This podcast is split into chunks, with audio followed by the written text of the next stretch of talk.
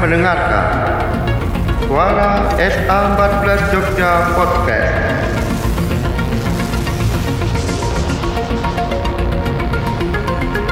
Yang disuarakan dari lantai 3 sayap selatan PDM Kota Yogyakarta.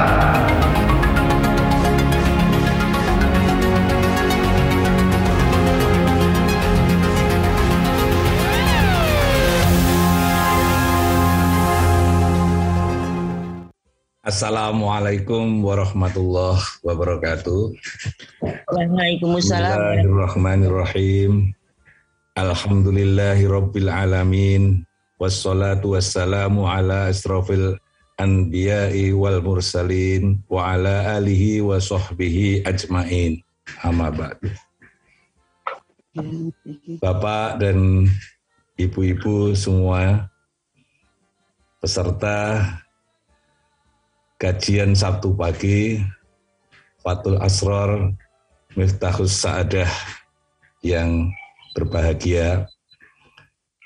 Pagi ini saya ditugaskan untuk menyampaikan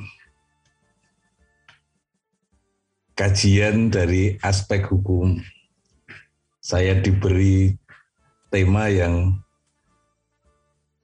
berat bagi saya bagaimana cara umat Islam memandang fenomena hukum di Indonesia. Nah, saudara-saudara, Bapak dan Ibu semuanya,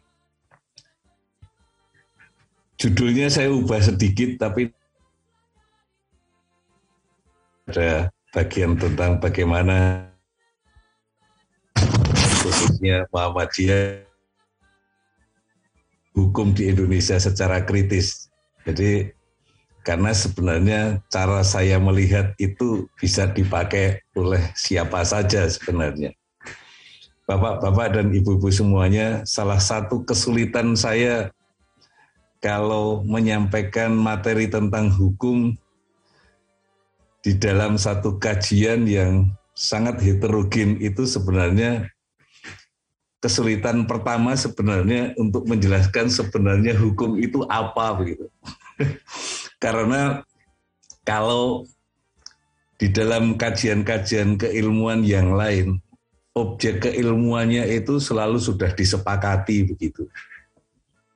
Kalau kita belajar ilmu kedokteran ya tidak ada dari peserta dari pelajar kedokteran itu yang masih mempersoalkan tentang objek kajian keilmuannya anatomi tubuh manusia sudah disepakati. Oh, tapi kalau di dalam hukum itu objeknya saja masih sering masih sering uh, diperdebatkan sehingga agak sulit juga saya mulainya dari mana. Karena kalau kita bertanya tentang hukum itu jawabannya bisa macam-macam di dalam kajian hukum sendiri, hukum itu bisa diartikan sebagai asas-asas kebenaran dan keadilan yang sering dikaji oleh kaum uh, filsafat hukum. Tapi juga hukum itu adalah norma-norma positif dalam sistem perundang-undangan nasional yang perwujudannya adalah dalam bentuk perundang-undangan. Ada undang-undang, ada perda, itu mungkin itu yang paling sering dipahami sebagai apa itu objek hukum. Karena hukum juga bisa dilihat sebagai putusan-putusan pengadilan yang sudah tersistematisasi. Kemudian hukum itu juga sebenarnya adalah pola perilaku yang terlembagakan. Kemudian hukum itu juga bisa diartikan sebagai manifestasi dari makna-makna simbolik para pelaku sosial sebagaimana yang tampak dalam interaksi di antara mereka. Tentu saja beragam konsep hukum ini kalau dijelaskan dalam dalam po yang satu jam mungkin tidak selesai karena itu materi dari berbagai macam mata kuliah. Karena itu saya eh, dengan segala kekurangannya akan paling tidak dari beragam konsep hukum itu nanti yang dipahami hukum itu adalah sebagai yang nampak dalam peraturan perundang-undangan atau nanti yang nampak di dalam putusan-putusan hakim begitu. Nah, Bapak dan Ibu semuanya, kalau kita mau mengerti hukum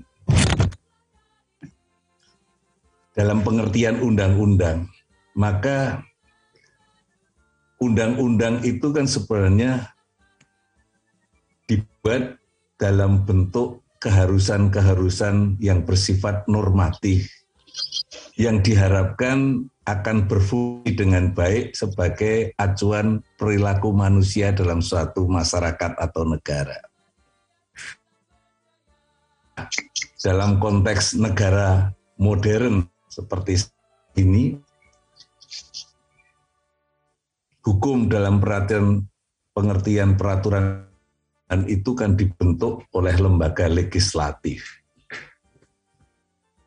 lembaga legislatif kalau di Indonesia itu berarti adalah DPR dan kemudian bersama-sama dengan pemerintah karena eh, undang-undang itu dibuat antara lembaga DPR dengan pemerintah. Sumber dari pembuatan peraturan perundang-undangan itu sebenarnya digali dari kehidupan masyarakat yang real sesuai dengan kebutuhan masyarakatnya untuk kemudian dipositifkan menjadi aturan-aturan yang tertulis untuk menjaga kepastian-kepastian itu.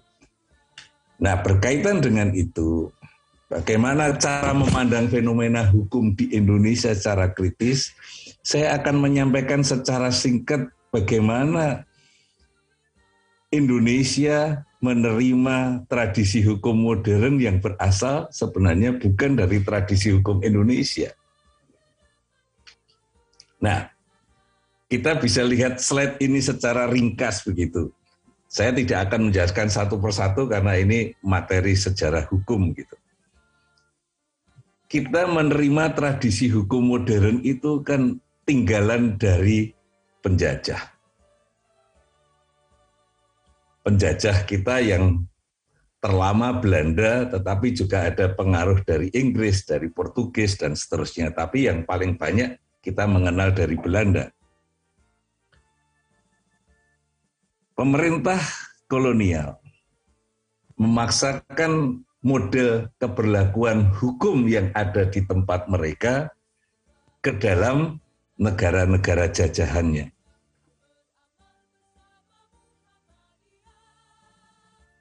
Tetapi dengan politik hukum tertentu, kita pada saat zaman Belanda ada politik dualisme di mana hukum yang diterapkan untuk untuk golongan masyarakat itu dibedakan. Ada golongan pribumi, ada golongan non pribumi itu dibedakan hukumnya. Sehingga kita mengenal dualisme hukum itu. Tapi saya tidak hendak ke sana. Saya akan melihat ketika Belanda memperkenalkan hukumnya di Indonesia, maka tradisi yang dibawa sebenarnya adalah tradisi hukum yang ber, yang berlaku di Belanda yang kemudian diterapkan di negara jajahannya.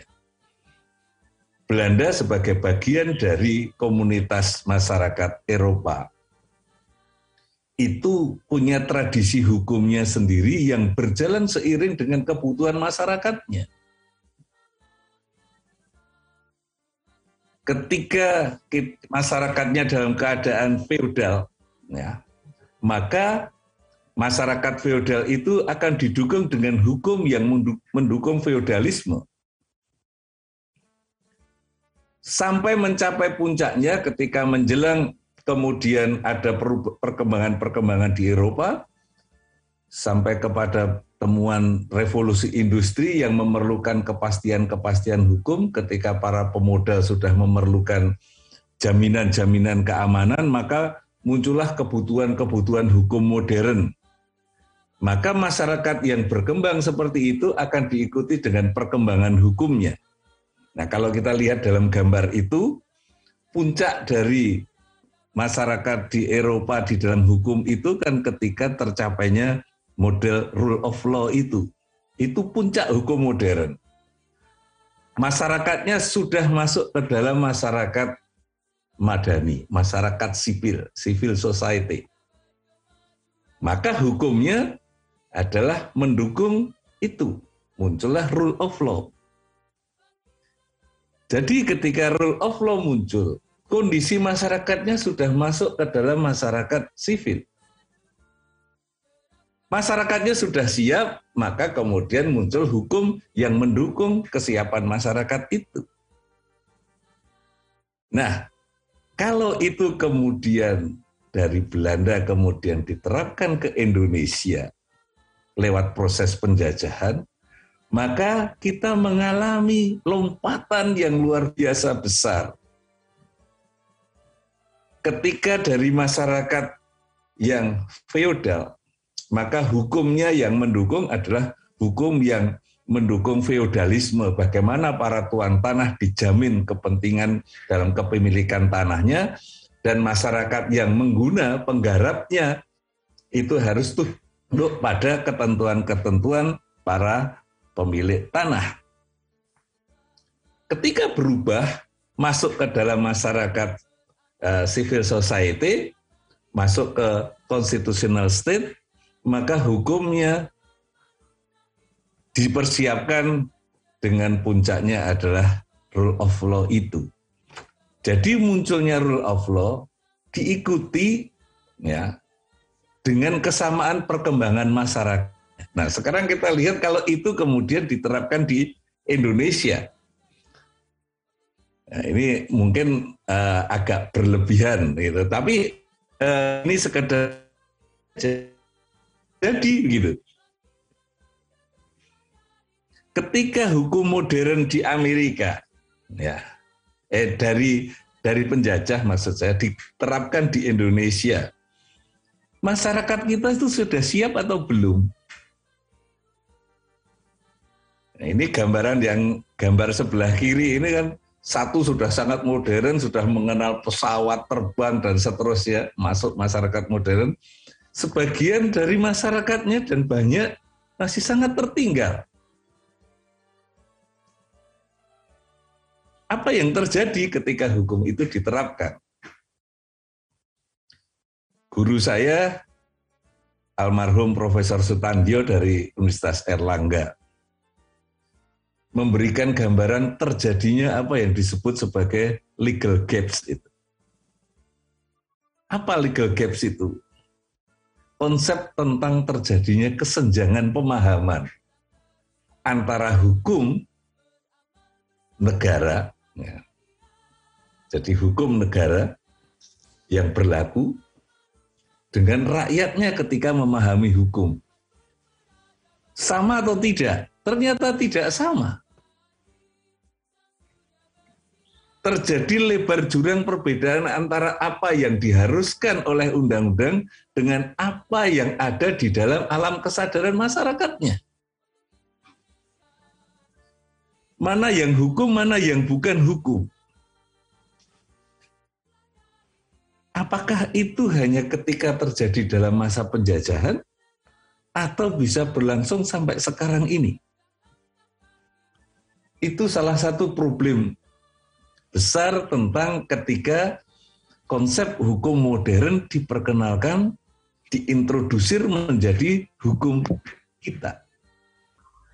Kalau yang pertama, itu kan dengan pemaksaan artinya ya given ya sudah penjajah menentukan hukumnya ini ya sudah tapi kan kemudian ketika kita merdeka kita akan mengenal politik hukum kita dengan asas konkordansi semua hukum yang berlaku pada saat sebelum kemerdekaan dianggap berlaku sampai nanti kemudian kita bisa membuat hukum sendiri. Itu diperlukan untuk menghindari kekosongan hukum kan. Maka politik hukumnya kan dengan menggunakan asas konkordansi. Dan ketika kita eh, apa namanya menyadari sebagai eh, satu bangsa yang terdiri dari berbagai macam suku bangsa dengan adat istiadatnya yang berbeda-beda, maka kemudian untuk melengkapi asas konkordansi itu kan kemudian dilengkapi dengan politik hukum untuk menyatukan, maka ada politik hukum unifikasi, memberlakukan hukum yang sama untuk seluruh bagian negeri. Supaya semua bagian negeri itu sama, unity gitu. Nah, apakah kondisinya sama ketika eh, dulu kita mengenal negara modern dari Belanda, kemudian eh, ketika merdeka hukum yang dipakai oleh Belanda pun kita pakai akhirnya kan gitu. Nah, kita lihat bahwa ketika kita mengenal salah satunya saja ya, mengenal kitab Undang-Undang Hukum Perdata Burger Wetbook yang itu kan mulai dari awal awal abad 18 di Belanda tahun 1830 Belanda sendiri mengenal kodifikasi kitab undang-undang perdata, pidana dan dagang. Ya, nanti ada kode sivil, ada kode commerce dan kemudian eh, kode penal itu kan sebenarnya dari Perancis juga. Ketika Perancis eh, juga di awal abad 18 sekitar tahun 1804 itu memperkenalkan beberapa eh, peraturan perundang-undangan yang dikodifikasikan itu dan kemudian tradisi itu diikuti oleh Belanda. Nah, isinya itu kan sebenarnya diambil dari apa yang hidup di alam uh, tradisi mereka. Kalau Perancis yang mengenal kode sivil itu berasal dari pengkitapan resmi eh, nilai-nilai uh, yang hidup di Perancis, kemudian di Belanda juga berasal dari Ode Hollandse Recht. Itu itu tradisi mereka yang dipengaruhi oleh adat istiadat mereka dan kemudian diterapkan di Indonesia itu terjadi legal gap. Nah sekarang kalau kita sudah merdeka itu tetap dipakai masih mungkin nggak terjadi legal gap? Nah saya ambilkan satu contoh. Gitu. Salah satu contoh hukum modern yang diperkenalkan melalui proses proses tadi eh, ketika penjajahan tadi.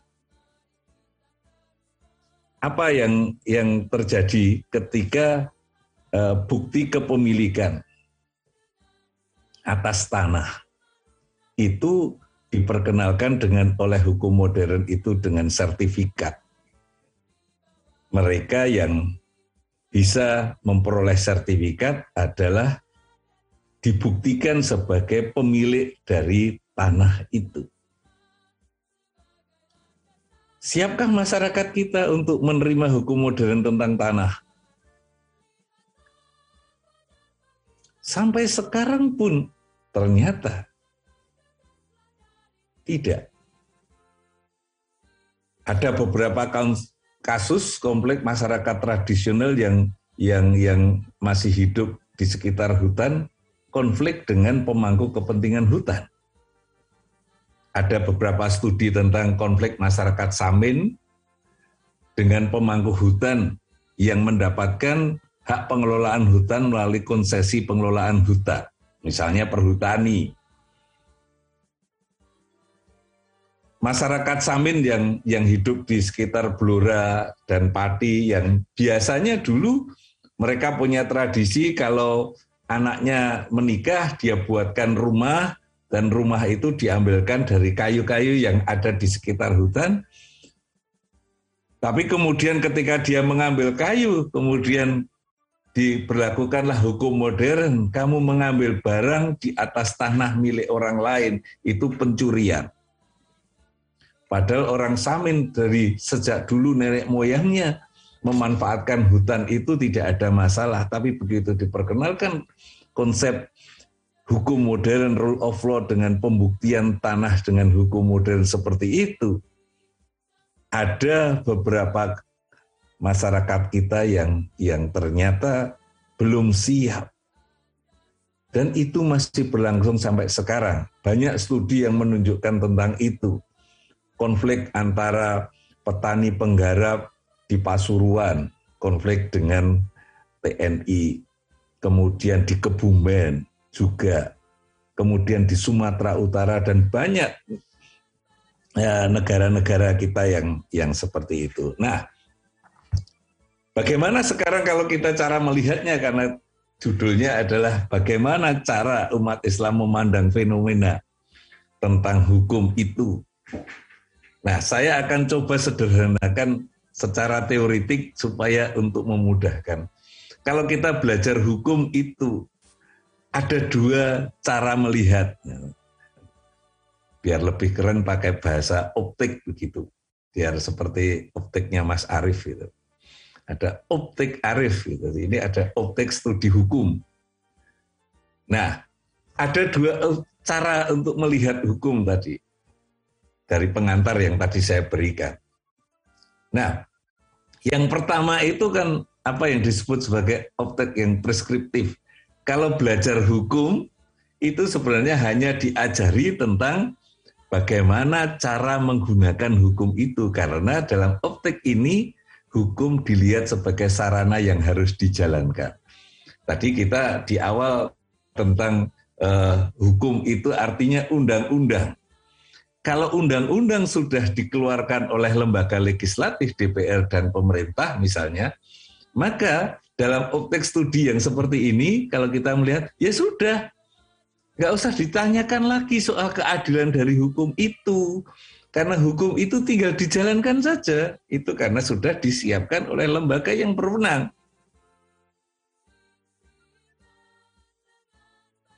Belajar seperti ini mengandung risiko karena bisa menumpulkan daya kritis. Kenapa? Karena ketika hukum dilihat sebagai satu sarana yang harus dijalankan, tidak lagi dipertanyakan apakah hukum yang ada itu benar apa tidak. Sesuai atau tidak dengan kebutuhan kita. Hukum itu sebenarnya isinya apa? Betulkah hukum itu hanya gambaran norma yang tertuang di dalam peraturan itu?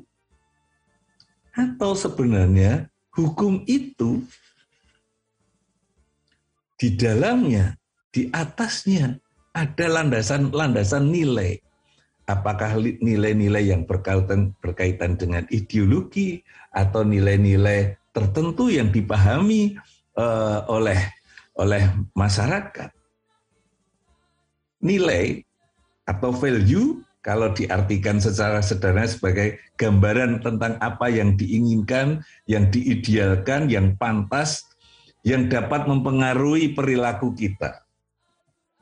Itu kan ada di atasnya norma. Nah, sekarang kalau norma yang kita terima dianggap sebagai sesuatu keharusan yang harus dijalankan, apakah betul normanya itu sudah sesuai dengan nilai-nilai yang kita harapkan? Tadi kita bicara tentang hukum kita berasal dari hukum di Belanda di Belanda ada tradisi yang mempengaruhi. Jadi itu ada nilai yang mempengaruhi berlakunya hukum di Belanda. Contohnya saja, misalnya kalau kita lihat ada pasal eh, eh, 27 BW yang menyangkut tentang asas-asas perkawinan itu adalah monogamistik. Tidak mengenal poligami. Apa pengaruhnya di dalam hukum pidana ketika merumuskan tentang overspell atau yang di sini dikenal sebagai perzinahan? Perzinahan itu adalah hubungan seksual laki-laki dan perempuan yang salah satu atau keduanya terikat dengan perkawinan yang sah. Artinya, kalau mereka sama-sama bukan terik, tidak terikat dalam perkawinan melakukan hubungan seksual, tidak jadi masalah. Mengapa? Karena ketentuan dalam KUHP yang mengancam pidana orang yang melakukan zina itu bukan untuk melindungi moralitas orang di dalam melakukan hubungan seksual itu harus di dalam lembaga perkawinan. Tetapi ketentuan hukum pidananya itu untuk melindungi asas monogamistik dalam perkawinan. Karena itu kalau orang sudah melakukan pernikahan, dia akan dilindungi dengan hukum pidananya. Sehingga ketika merumuskan tentang perzinahan, nilainya adalah nilai-nilai melindungi perkawinan yang monogamistik. Nah kalau sekarang itu ditanyakan pada umat Islam, apakah demikian? Kan tidak.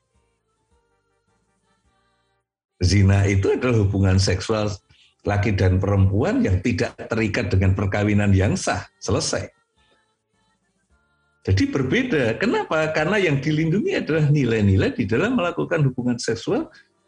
Tidak ada cara lain selain harus melalui lembaga perkawinan yang sah. Jadi di situ pengaruh nilai terhadap norma ada.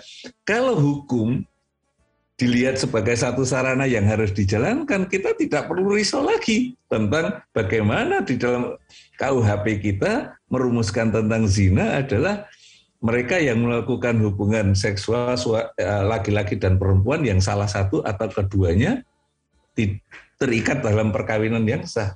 Seandainya tidak terikat, maka boleh saja melakukan itu. Itu adalah hak keputusan pribadinya. Nah, karena itulah maka kalau cara kita sebagai umat Islam nanti melihat hukum itu juga beranggapan yang sama karena pengaruh dari mereka yang belajar hukum itu cara belajarnya adalah optiknya preskriptif, maka hukum tidak perlu lagi dipertanyakan. Kalau sudah sah sebagai hukum, sudah tinggal dilaksanakan saja begitu. Tidak perlu dikaji-kaji lagi. Ya. Nah, tetapi sebenarnya ada optik lain cara belajar hukum yang nanti kalau masyarakat juga ikut belajar hukum dan tentu saja masyarakat kita semuanya wajib belajar hukum karena negara kita ini adalah negara berdasar hukum. Tidak ada satu bagian kehidupan kita yang tidak tersentuh oleh hukum. Karena itu kalau kita lihat cara belajarnya kalau melihat hukum dalam artian undang-undang saja tadi. Itu dengan cara yang deskriptif, maka ilmunya itu, ilmu hukumnya itu adalah ilmu untuk menjelaskan hukum sebagai fenomena dalam masyarakat hukumnya ini steril nggak sih dari kepentingan tertentu? Nilai-nilai apa yang terkandung di dalam hukum? Gitu. Kenapa? Karena kalau kita lihat contoh yang yang paling terlihat dari sini, persoalan pemahaman hukum bukan hanya persoalan memahami uh, rumusan-rumusan norma di dalam pasal-pasal di dalam undang-undang tapi di atasnya itu ada nilai-nilai yang mengikuti, yang menjadi dasar munculnya itu. Saya masih ingat pada waktu eh, awal tahun 2000 dulu ada gagasan untuk eh, membuat eh, pengaturan tentang pornografi. Dalam masyarakat ada persoalan ada yang mungkin itu pornografi kenapa diatur negara itu kok repot sekali sih, uh, rewel sekali. Itu sudahlah untuk urusan-urusan privat, nggak usah dibawa-bawa masuk ke dalam urusan publik. Itu kan hanya seni saja. Tapi ternyata sebenarnya betulkah itu hanya seni? Kalau urusan itu hanya privat, oke okay, silahkan masuk di dalam ruang privat. Tapi kalau sudah dibawa ke ruang publik, betulkah pornografi itu menjadi urusan privat atau menjadi urusan publik? Nah di situlah saya melihat sebenarnya masyarakat sudah mulai belajar hukumnya itu sudah yang deskriptif ini. Melihat hukum yang akan diberlakukan itu sebenarnya ada kepentingan apa yang ada di dalam itu. Rencana membuat undang-undang pornografi itu perlu didukung atau tidak Nah itu kan masyarakat terbelah antara yang mendukung dan tidak. Dan alhamdulillah akhirnya muncullah undang-undang eh, tentang pornografi itu sehingga aktivitas pornografi yang yang privat itu tidak masalah, tapi kalau dibawa ke ranah publik menjadi urusan publik maka bisa menjadi persoalan hukum. Itu. Nah, kalau cara melihat seperti ini, hukum seperti ini, dan masyarakat itu cara melihatnya juga seperti ini, maka kita sebagai umat Islam bisa memulai melakukan kajian-kajian bagaimana cara melihatnya.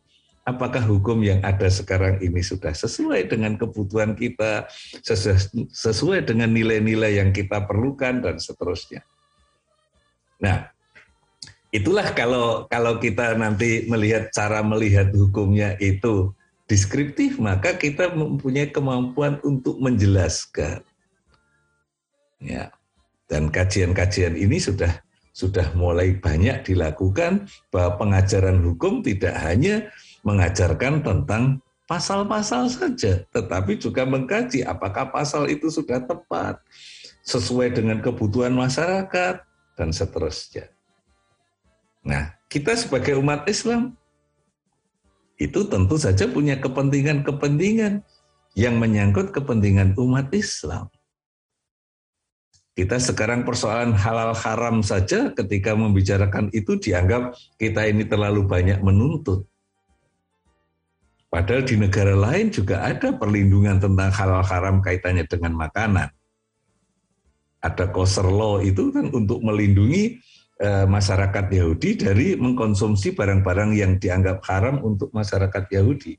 Nah, umat Islam kan juga punya kepentingan di negara kita yang kita mayoritas bicara tentang halal haram saja sekarang sudah menjadi persoalan.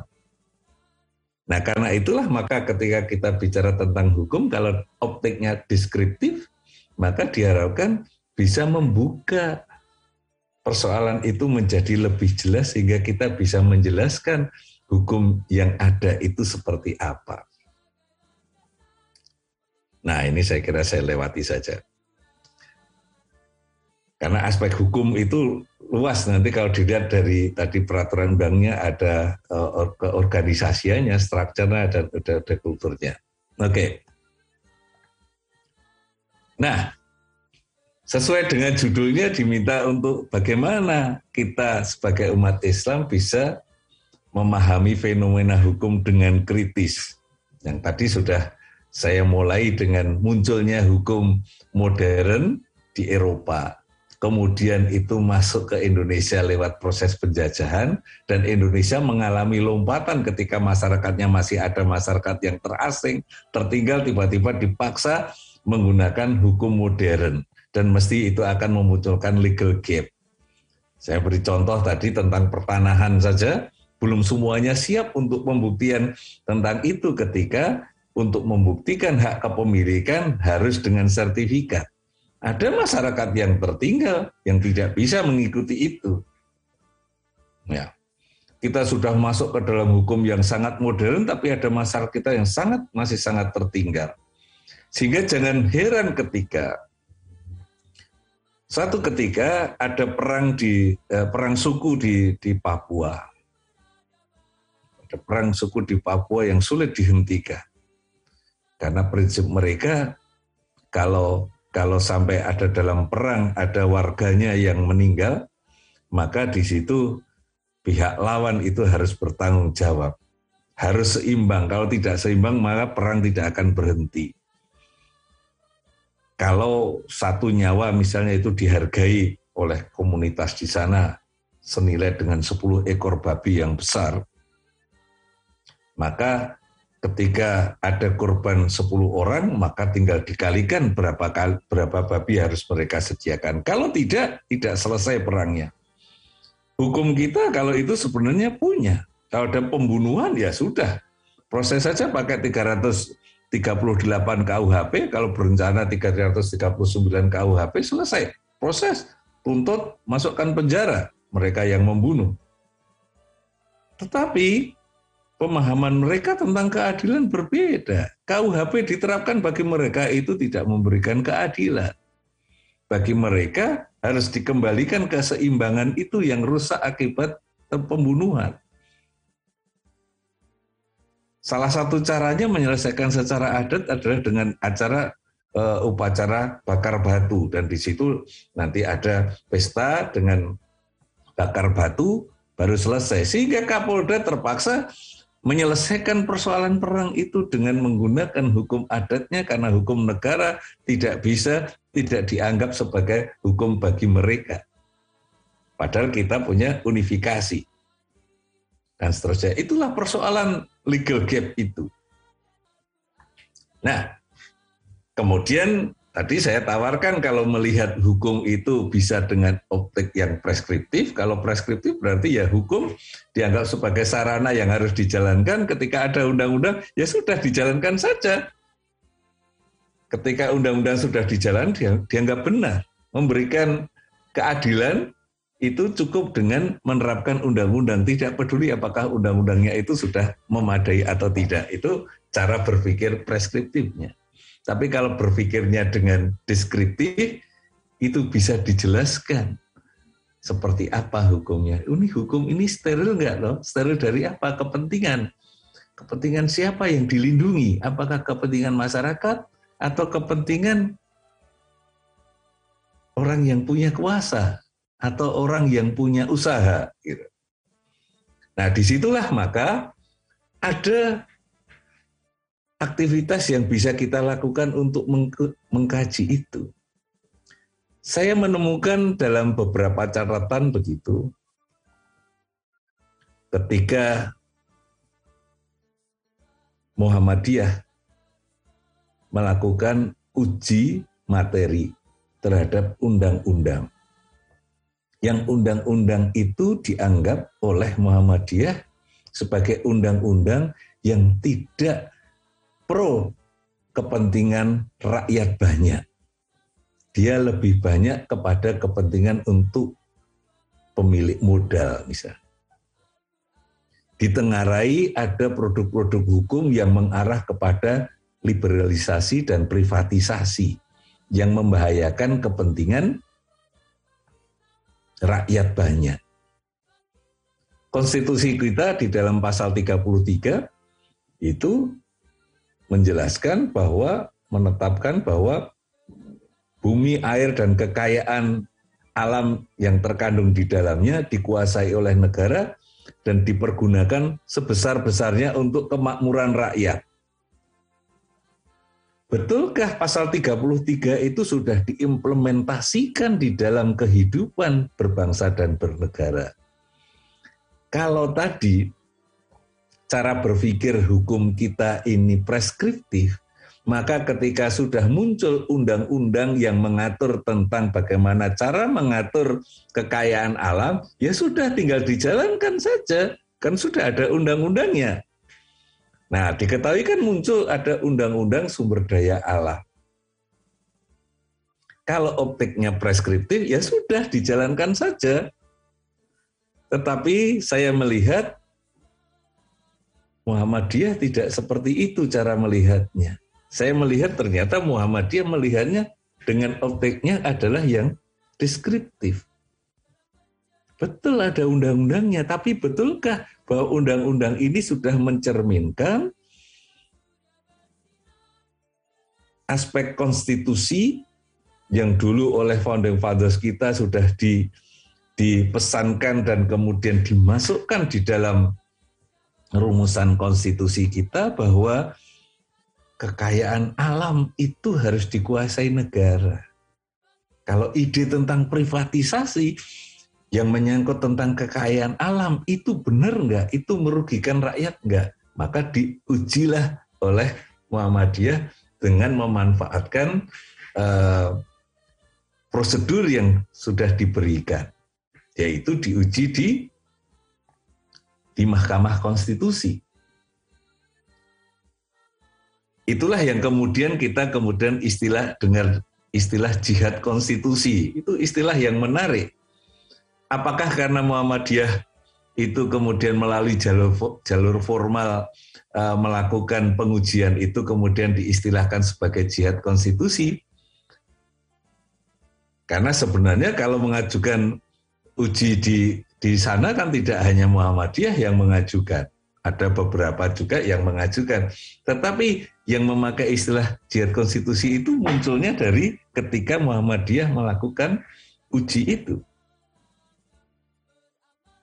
Karena itulah maka bagaimana jihad konstitusi itu bisa menjadi model tentang perjuangan bagaimana meluruskan meluruskan peraturan perundang-undangan yang yang yang jauh dari kepentingan rakyat banyak untuk diperbaiki supaya sesuai dengan konstitusi. Banyak produk-produk hukum yang tidak sesuai dengan konstitusi. Muhammadiyah menunjukkan ada undang-undang sumber daya alam dan seterusnya. Nah, sebenarnya kita bisa bisa menginventarisasi banyak sekali itu. Saya pernah mengajukan uji materi terhadap undang-undang perasuransian yang berlaku pada saat itu, bukan undang-undang asuransi yang berlaku sekarang ini. Kenapa? Karena berkaitan dengan keresahan pengelola asuransi, yaitu asuransi Jiwasraya, eh Bumi Putra maksud saya. Karena asuransi Bumi Putra itu sebagai perusahaan asuransi yang tertua di Indonesia menerapkan konsep badan hukum mutual. Badan hukum mutual itu mirip koperasi sebenarnya. Ya dari dan untuk anggota. Karena itu kalau konsepnya itu kan sebenarnya pemilik polis dari dari asuransi yang dibuat berdasarkan badan hukum mutual itu sebenarnya adalah pemilik perusahaan.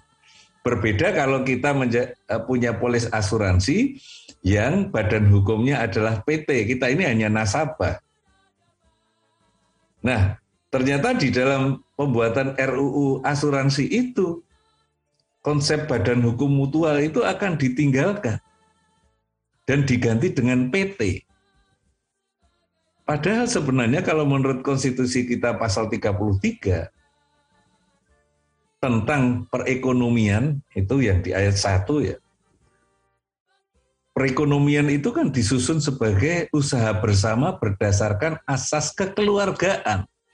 PT itu disusun berdasarkan uh, uh, usaha bersama betul, mutual juga betul, kooperasi juga betul begitu. Tetapi apakah itu berdasarkan asas kekeluargaan? Ternyata tidak. Kalau PT itu kekuatan modal. Nah, bagaimana badan hukum mutual kok mau dibunuh gitu dalam tanda petik? Maka muncullah putusan Mahkamah Konstitusi dalam waktu dua tahun sesudah putusan MK ini, maka DPR dan Presiden wajib menyediakan dasar hukum untuk badan hukum mutual itu. Koperasi kan sudah ada dasar hukumnya. PT sudah ada dasar hukumnya. Mutual belum, padahal badan hukum mutual itu adalah badan hukum yang sesuai dengan konstitusi pasal 33 tadi bukan berdasarkan kekuatan modal, tetapi asasnya kekeluargaan. Tapi sampai sekarang pemerintah dan DPR juga belum membuat sudah lebih dari lima tahun putusan itu ada. Dan terakhir ada juga judicial review terhadap Undang-Undang KPK 19 tahun 2020 yang dianggap melemahkan KPK dan seterusnya. Nah, ini yang menurut saya bisa menjadi point of view-nya begitu. Bagaimana cara kita melihat fenomena hukum secara kritis dan Muhammadiyah saya kira sudah mengajarkan ini.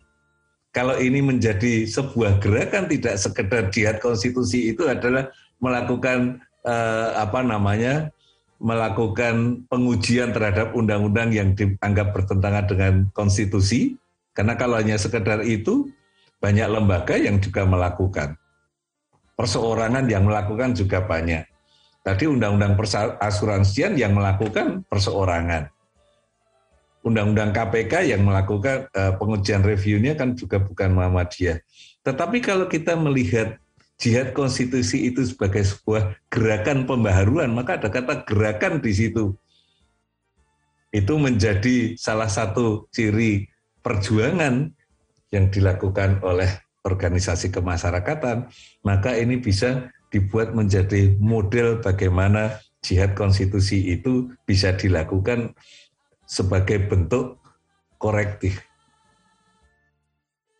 Dan ini ada empat undang-undang yang sudah pernah diajukan oleh oleh Muhammadiyah, ya ada undang-undang migas dan itu dianggap sukses karena kemudian eh, apa BP migas kemudian dibubarkan sesuai dengan putusan eh, MK nomor 36 tersebut. Ya. Tapi muncul kemudian SKK migas yang nampaknya hampir sama saja BP migas dengan SKK migas gitu. Eh, namanya berubah tapi fungsinya ya kurang lebih sama. Kalau Undang-Undang Nomor 44 tahun 2009 tentang rumah sakit ini karena Muhammadiyah punya kepentingannya sendiri karena amal usaha rumah sakit terancam dengan munculnya undang-undang rumah sakit yang menetapkan bentuk badan hukumnya itu adalah PT sama seperti nasib undang-undang asuransi. Sementara eh, eh, bentuk badan hukumnya yang eh, ada dalam amal usaha Muhammadiyah rumah sakit rumah sakit yang banyak sekali itu tidak berdasarkan PT.